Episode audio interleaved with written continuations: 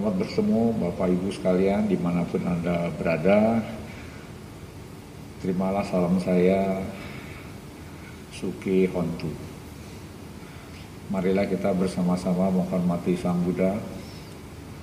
Namo tassa bhagavato arahato sama sambuddhasa. Namo tassa bhagavato arahato sama sambuddhasa. Namo tassa bhagavato arahato sama sambuddhasa. Hari ini saya akan membahas sebuah topik yaitu konsep Buddhis mengenai kematian. Kita sebagai manusia yang pernah dilahirkan, maka kita tidak dapat menghindarkan diri dari tiga tamu, yaitu sakit, menjadi tua dan meninggal dunia. Berikut ini saya akan jelaskan pandangan Buddhis tentang kematian. Kita tahu bahwa kehidupan yang sekarang ini bukanlah yang pertama. Kita sudah berkali-kali dilahirkan dan berkali-kali meninggal dunia. Jadi Eh, kita tidak tahu ya, berapa kali kita sudah pernah menjadi manusia, berapa kali menjadi dewa, ya kita tidak tahu. Kemudian juga bukan yang terakhir, ya. Kalau kita tidak menjadi arahat, ya. jadi kita masih akan lahir berkali-kali lagi, tergantung, ya, dari karma-karma kita. Jadi prinsipnya yang sekarang ini adalah di tengah-tengah, ya. bukan yang pertama dan bukan yang terakhir.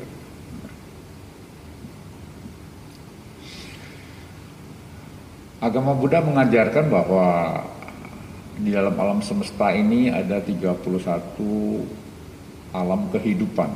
Ya.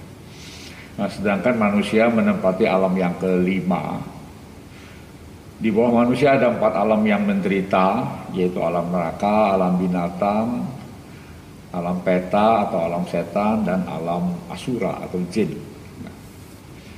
Umumnya disebut sebagai alam apaya. Ya. Alam di mana karma buruk lebih dominan berbuah. Ya. Kemudian di atas manusia ada enam alam dewa yang masih mengenal jenis kelamin kita sebut juga surga. Ya. Kemudian di atas alam dewa ada alam Brahma. Ada 16 alam Brahma yang berbentuk yaitu memiliki rupa. Kemudian ada lagi empat alam Brahma yang tanpa bentuk, ya, arupa.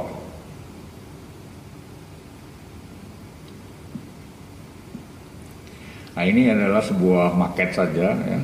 Manusia ada di bawah ya di dekat di atasnya alam apa ya.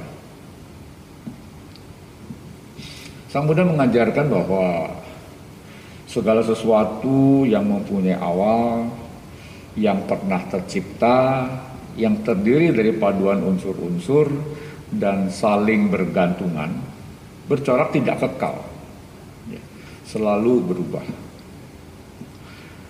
Kemudian yang kedua, Segala sesuatu yang mempunyai awal, yang pernah tercipta, terdiri dari paduan unsur-unsur dan saling bergantungan, bercorak tidak memuaskan atau menyedihkan. Ya. Yang ketiga, segala sesuatu yang mempunyai awal atau tidak mempunyai awal, saling bergantungan atau tidak saling bergantungan, pernah tercipta atau tidak pernah tercipta, tidak memiliki inti yang kekal dan abadi. Ini adalah simbol saja bahwa dengan pengetahuan yang paling baru yaitu fisika kita mengetahui bahwa e, benda yang paling kecil itu adalah atom. Ya. Sedangkan atom itu terdiri dari positron, neutron, dan elektron. Dan elektron selalu berputar. Ya. Intinya juga selalu berputar bagaimana sesuatu yang terdiri dari sesuatu yang tidak kekal menjadi kekal. Ya. Jadi dengan ilmu yang paling modern sekalipun terbukti bahwa ajaran Sang Buddha memang benar ya bahwa semuanya selalu berubah. Tidak ada yang kekal. Ya. Kemudian Sang Buddha mengajarkan ada lima hukum, hukum alam. Yang pertama adalah utu niyama, yaitu hukum yang mengatur semua fenomena perpindahan energi di bidang fisika, anorganik, termasuk hukum-hukum dalam cakupan fisika dan kimia. Ya. Contohnya perubahan cuaca atau iklim, pergantian temperatur, hujan, badai, banjir, gempa bumi, gunung meletus, reaksi kimia, garis edar planet-planet dan semuanya itu diatur oleh hukum ini, utu niyama. Kemudian ada lagi yang namanya bija niyama. Mungkin ini asal kata dari biji, ya. yaitu hukum yang mencakup semua gejala di bidang organobiologik. Ya. Jadi hukum pembenihan menentukan kecambah misalnya, atau tunas, batang, cabang, ranting, daun, bunga, dan buah. Ya. Di mana akan berproses sesuai dengan hukumnya dengan pembawa sifat atau genetika. Dengan demikian biji jambu tidak akan menjadi biji yang lain, pasti jadi jambu. Ya. Hal ini juga berlaku untuk semua jenis tumbuhan dan makhluk hidup lainnya. Berikutnya, dalam alam semesta ini ada makhluk hidup. Tadi saya sebutkan ada 31 jenis makhluk hidup. Nah, diatur oleh hukum ini, hukum perbuatan. Yaitu yang mengatur segala sesuatu tindakan yang sengaja atau tidak sengaja dan akibatnya. Ya, akibatnya itu bisa baik atau tidak baik. Membuat makhluk itu bahagia atau menderita. Contohnya perbuatan baik akan mengakibatkan kebahagiaan dan perbuatan buruk atau jahat akan mengakibatkan penderitaan. Lalu yang keempat adalah hukum mengenai cita atau batin. Ya. Jadi hukum ini mengatur semua proses dalam batin manusia atau batin makhluk lain. Ya. Hidup hukum ini mengatur apa yang terjadi dalam batin setelah menerima rangsangan. Ya. Dalam agama Buddha diajarkan ada enam pintu. Ya. Panca indera ditambah pikiran. Di situ bekerja yang namanya kesadaran, pencerapan, perasaan, dan pikiran. Ya. Hukum yang kelima adalah dhamma niyama, yaitu hukum yang mengatur semua fenomena yang terjadi di luar keempat hukum alam yang tadi. Misalnya dunia bergetar ketika menyambut kelahiran calon Buddha ketika sang bodhisatta mencapai penerangan sempurna dan ketika sang Buddha mencapai parinibbana. Jadi hukum ini merupakan keseluruhan sistem yang mengatur alam semesta. Ya. Empat niyama lainnya merupakan hukum alam yang bersifat spesifik yang mengkhususkan pada aspek tertentu dari alam semesta. Jadi hukum alam apa pun yang tidak termasuk dalam keempat alam, keempat niyama yang pertama dikategorikan sebagai dhamma niyama. Definisi, ya.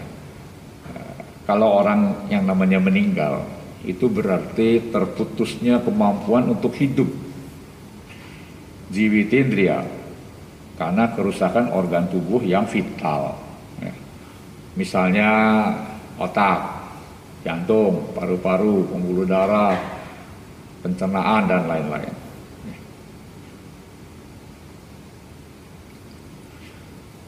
Menurut agama Buddha ada empat jenis kematian.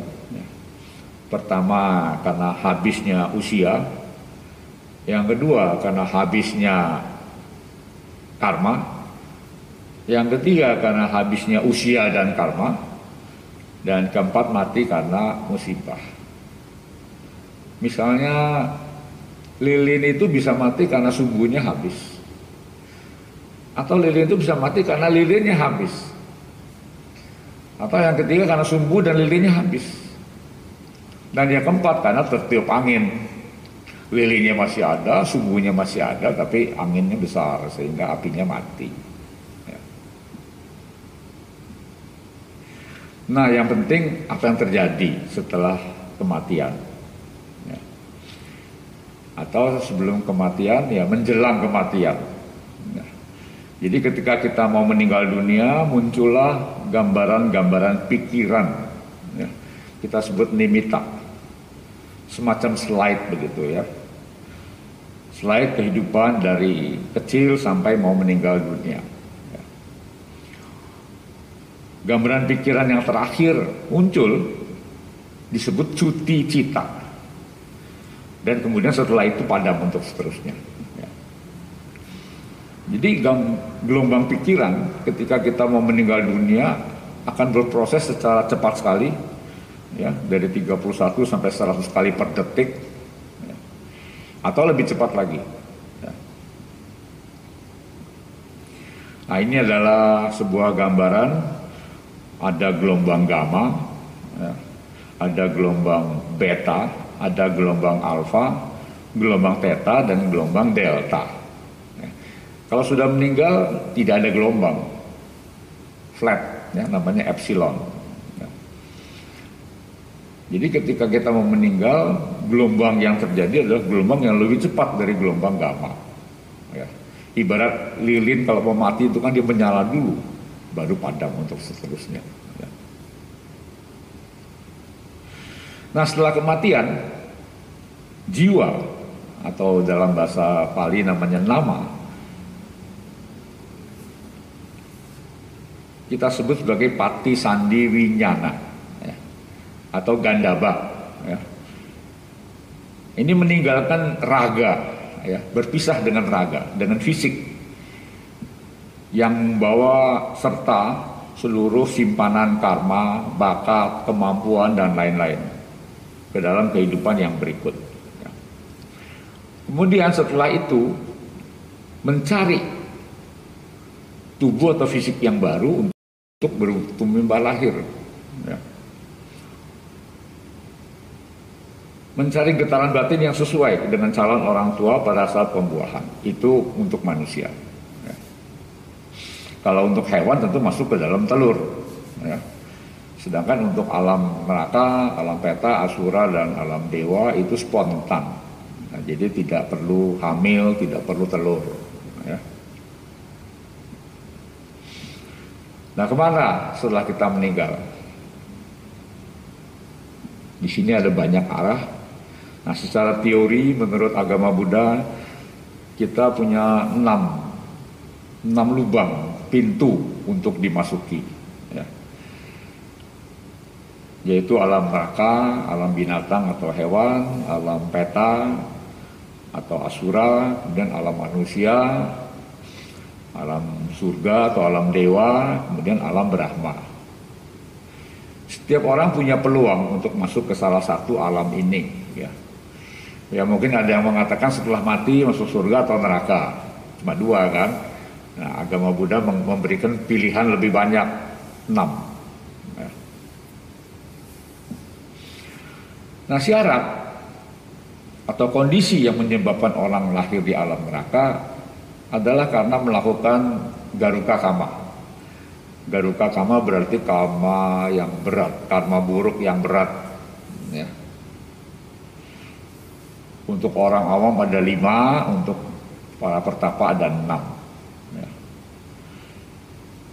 Kemudian melanggar Pancasila Buddhis seperti membunuh atau menyiksa, mencuri, merampok, menipu, lalu melakukan perbuatan asusila, menyesatkan pandangan orang lain, ya, mabuk-mabukan, ya. dan di alam neraka ini otomatis hanya karma buruk yang berbuah karma baiknya eh, disimpan dulu ya tidak berbuah jadi alam menderita kemudian syarat untuk menjadi penghuni alam binatang adalah pengaruh moha kebodohan atau awija atau ketidaktahuan yang menjadi sebab utama Di dalam alam binatang ini yang berlaku adalah hukum rimba atau hukum samudera. Yang besar makan yang kecil. Di sini rasio tidak bekerja. Yang lebih banyak bekerja adalah instingtual. Ya. Kemudian lebih banyak mengalami duka daripada suka. Berikutnya, syarat untuk menjadi penghuni alam peta atau alam setan, yaitu ketika meninggal dunia dipengaruhi oleh keserakahan dan kemelekatan. Sama, lebih banyak mengalami duka daripada suka. Di alam setan ini makhluknya selalu mengalami kelaparan dan kehausan, ya, kekurangan. Nah, untuk masuk alam asura biasanya terlebih dulu memiliki kesaktian atau kemampuan tertentu juga disebut sebagai alam raksasa, yakha, naga, siluman, gandaba, jin, iblis dan sebagainya. Di sini makhluknya masih mempunyai pandangan keliru, ya. masih memiliki kebiasaan buruk, ya. berpandangan sempit dan suka iri hati, dan melekat pada kekuasaan. Ya. Sehingga di alam asura ini ramai dengan pertempuran, pertengkaran, perebutan. Nah untuk menjadi penghuni alam manusia ada empat syarat, yaitu memiliki sada, sila, caga, dan panya. Sada itu keyakinan, sila itu moral, caga itu kemurahan hati, dan panya itu kebijaksanaan. Cuti cita yang muncul pada saat terakhir mau meninggal dunia indah dan menyenangkan. Ya. Di alam manusia, karma baik dan karma buruk silih berganti, ya, berbuah. Tetapi kemungkinan untuk menjadi manusia sangat kecil-kecil sekali. Di alam manusia, seperti awal saya sebutkan, akan mengalami sakit, lahir uh, usia tua dan mati. Ya. Berikutnya, bagaimana untuk menjadi dewa atau masuk alam surga? Syaratnya sama dengan menjadi manusia, cuma lebih banyak, lebih tinggi, lebih hebat begitu. Ya. Cuti cita yang muncul juga sama, ya. lebih indah dari menjadi manusia. Di mana di alam ini hanya karma baik yang berbuah. Jadi tidak ada karma buruk yang berbuah. Semua dewa sehat terus, ya, tidak ada covid di sana. Ya. Muda terus, ya, kuat terus, ya. Dan usianya antara 9 juta tahun sampai 10 miliar tahun. Jadi relatif lebih lama dari manusia. Kemudian untuk lahir di alam Brahma tentu ada syarat yang lebih tinggi yaitu telah mencapai jana. Jana dalam bahasa Jepang namanya zen, ya. dalam bahasa Mandarin namanya chan. Ya. Jadi mempunyai kemampuan untuk memusatkan pikiran. Ya. Ada 16 rupa jana, ada 4 arupa jana.